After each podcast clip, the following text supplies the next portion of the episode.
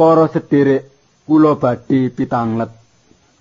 Kathah tiang boten saged mangsuli pitakon menika. Nanging sejatosipun pitaken menika kedah dipun wangsuli saben tiang. Menapa kita saged mlebet swarga? Panjenengan ipun Gusti ingkang sinerat wonten ing kitab suci nyariosaken dhateng kita. Menapa kita saged mlebet utawi mboten? Kangge mlebet dhateng swarga kita kedah milih margi ingkang leres. Pangandikanipun Gusti. Menawa cangkemmu ngakoni Yesus iku Gusti lan atimu percaya yen Allah wis mungokake panjenengane saka antarane wong mati kowe bakal kapitulungan rahayu. Gusti Yesus ngandika, Aku iki dalane. Ora ana wong siji-sijiya kang bisa sowan Sang Rama ing swarga yen ora lumantar aku. Kangge mlebet dhateng swarga, boten wonten margi sanes kejawi Gusti Yesus. Namung Gusti Yesus Kristus menika kemawon marginipun dhateng swarga. Menawi sampeyan ngakeni dosa sampeyan lan nampeni Gusti Yesus dados juru wilujeng, sampeyan sampun wonten margi ingkang leres lan badhe tumuju dhateng swarga. Menawi sampeyan sampun saestu pitados lan bangun turut dateng Gusti Yesus. Lajeng tiang sanes badhe ningali gesang sampeyan. Sakmenika sampun wonten bentenipun. Sampeyan mresani menapa ingkang sampun sampeyan presani lan alami wiwit sampeyan pitados. Gesang sampeyan sampun ngalami bab-bab ingkang enggal. menapa tindak tanduk sampeyan sampun wonten bentenipun? Gusti mboten namung ngapura dosa sampeyan nanging ugi maringi gesang enggal dateng sampeyan. Kathah tiang nginten menawi mlebet dateng agami lajeng jiwanipun badhe kabebasaken dateng paukuman dosa. Sampun ngantos kapusan nggadahi agami kemawon dereng cekap. Amargi agami boten saged milujengaken. Menawi sampeyan nampi Gusti Yesus dados juru wilujeng sampeyan panjenenganipun badhe ngapura dosa sampeyan lan ngresiki manah sampeyan sampeyan badhe nggadahi gesang enggal. Gesang sampeyan badhe sae.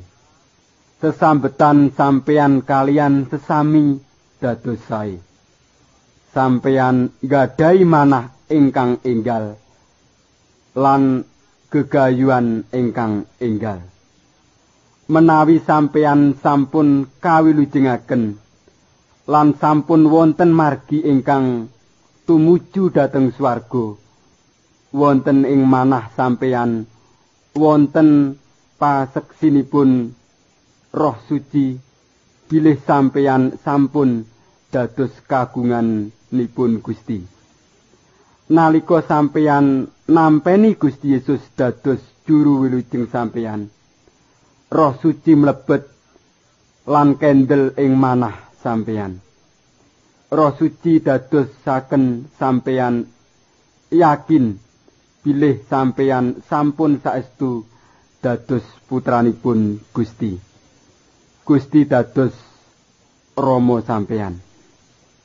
Sampeyan saged matur dateng Gusti kados anak kalian tiang sepuh. Panjenenganipun badhe mitulungi sampeyan nyingkiraken samukawis ingkang awon. Dados sakmenika sampeyan boten perlu ajih malih dateng samukawis ingkang boten sae. Sampeyan badhe ngraosaken tentrem awit sedaya dosa sampeyan sampun dipun apura. Perkawis menika saestu kelampahan awit kitab suci ingkang ngendika. Sampeyan ningali gesang sampeyan menapa sampeyan sampun wonten margi ingkang tumuju dhateng swarga menika.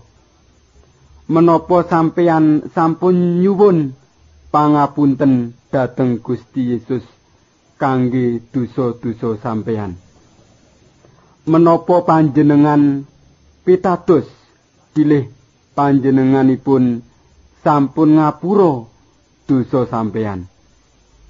Menapa gesang sampeyan sampun enggal.